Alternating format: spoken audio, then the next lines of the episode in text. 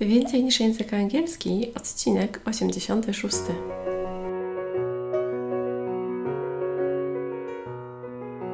Witaj, nazywam się Ewa Ostarek i jestem trenerem języka angielskiego. Sprawiam, że język angielski to przyjemność. Słuchasz podcastu Więcej niż język angielski, który został stworzony dla kobiet takich jak ty, które chcą odkryć i pogłębić w sobie pasję do języka angielskiego. Dzisiejszy podcast będzie o fazie, albo raczej o fazach w robieniu różnych rzeczy. I w sumie tak zastanawiam się, że to pasuje także nie tylko do języka angielskiego, ale także do każdych takich aspektów życia. Bo ktoś na przykład może mieć fazę na jedzenie orzeszków, a ktoś może mieć fazę na robienie jakichś innych rzeczy albo na jakiś wyjazd za granicę. I czym się jakaś taka faza objawia? Jak można to jakby wiedzieć, jak można do tego jakby dojść, czy jak to, taką fazę można utrzymać? Ten podcast definitywnie będzie taki luźniejszy, bardziej taki pogadankowy, bo zauważyłam, że dużo ludzi właśnie słucha też takich podcastów pogadankowych, niekoniecznie tylko takich wyłącznie, gdzie jest y, tylko i wyłącznie sucha wiedza w 3-4 minuty i koniec.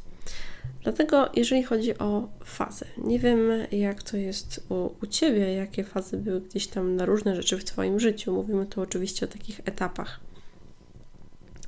Ja pamiętam, że miałam taką fazę, kiedy bardzo często chodziłam do biblioteki i wypożyczałam wiele różnych książek i miałam taką bibliotekarkę, panią Basię, która potrafiła po prostu dobrze mi doradzić, bo mnie już znała, jakie książki mi się mogą przydać, jakie mogą być dla mnie dobre. I była to taka faza na czytanie, że ja potrafiłam e, codziennie e, czytać. Kilka książek w tydzień czytałam, a gdy były takie na przykład fazy Mm, gdy były jakieś ferie zimowe, to codziennie potrafiłam czytać pięć książek e, dla młodzieży i codziennie zwiedzać bibliotekę i pamiętam, że te pani bibliotekarki też się tak zastanawiały, czy ja w ogóle te książki czytam, czy po prostu, nie wiem, przeglądam albo czytam fragmentarycznie. I to była właśnie taka faza. Co jeszcze może być? Pamiętam, miałam kiedyś fazę na czy fazę. Nie chcę, żeby to tak zabrzmiało, że to byłam jakimś frikiem czy jakąś dziwną osobą, ale miałam taki czas, kiedy robiłam jakieś rzeczy. I miałam taki czas, kiedy bardzo na przykład lubiłam yy, pić oranżadę. A potem mi przeszło. Albo kiedy w jednych z wakacji postanowiłam, że trochę poćwiczę malowanie, czy no, albo się nauczę, czy jakieś takie luźne abstrakcje będę sobie robić, jakieś takie impresje. Yy, I to było wtedy czas na malowanie.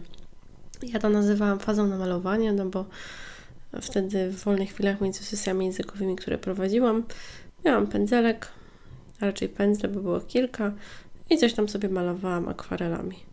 A jakieś takie luźne kształty, bo myślę, że mm, jeżeli chodzi o malowanie, to, to wychodzi mi lepiej niż jakieś takie odwzorowywanie. Zresztą ja kocham angielski.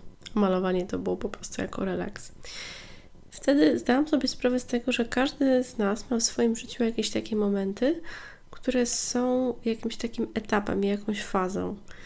I tak jak y, podawałam kilka przykładów na początku, to wiele jest też takich przykładów, które dotyczą takich faz nauczania języka obcego.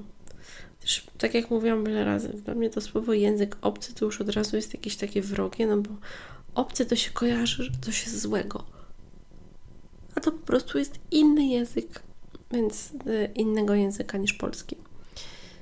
Gdy myślałam o tym, jak ja uczyłam się języka niemieckiego i angielskiego, to z racji tego, że potem w liceum chodziłam do klasy językowej, to miałam 4 i 5 godzin y, każdego z tych języków, więc tak jakby było tego naprawdę dużo, biorąc pod uwagę, ile to było lat temu. I jakby nawet nie myślałam o tym, czy ja się uczę języka angielskiego w jakiejś fazie, czy nie, ale gdy potem przeanalizowałam sobie te 6 lat, w czasie których uczyłam się angielskiego bardzo intensywnie, to była właśnie taka faza angielskiego przed studiami, gdzie miałam dużo tego języka angielskiego w szkole, w szkole językowej, też chodziłam takie dodatkowe jeszcze zajęcia oprócz szkoły językowej no i odrabiałam te wszystkie zadania, uczyłam się do tych klasówek, sprawdzianów, kartkówek, dużo też mówiłam i to była ta faza. te 6 lat ewidentnej fazy takiego okresu językowego. Ale gdy przychodzą do mnie klienci na sesjach językowych i potem mm, brakuje im takiej jakby motywacji do tego, co robią, jakoś nie potrafią tego angielskiego wpleść w swoje życie, i ja pokazuję im takie proste, krótkie rzeczy, które mogą zrobić dla swojego coraz lepszego języka angielskiego, to czuję w ich głosie potem po pierwszej, e, pierwszym takim spotkaniu, że wow, oni teraz mają plan, wiedzą co zrobić, często też korzystają z jakichś porad językowego habit trackera i wiedzą po prostu co zrobić i, i czują taki duży entuzjazm i czuję że mają taką fazę na język angielski. Ewidentnie to widać, po prostu włącza im się, że a to ja jeszcze 5 minut zrobię tego, tu 5 minut poczytam, tam 10 minut posłucham. I wtedy widać, że jakby są w tym temacie tego języka angielskiego, czują tę taką motywację ogromną.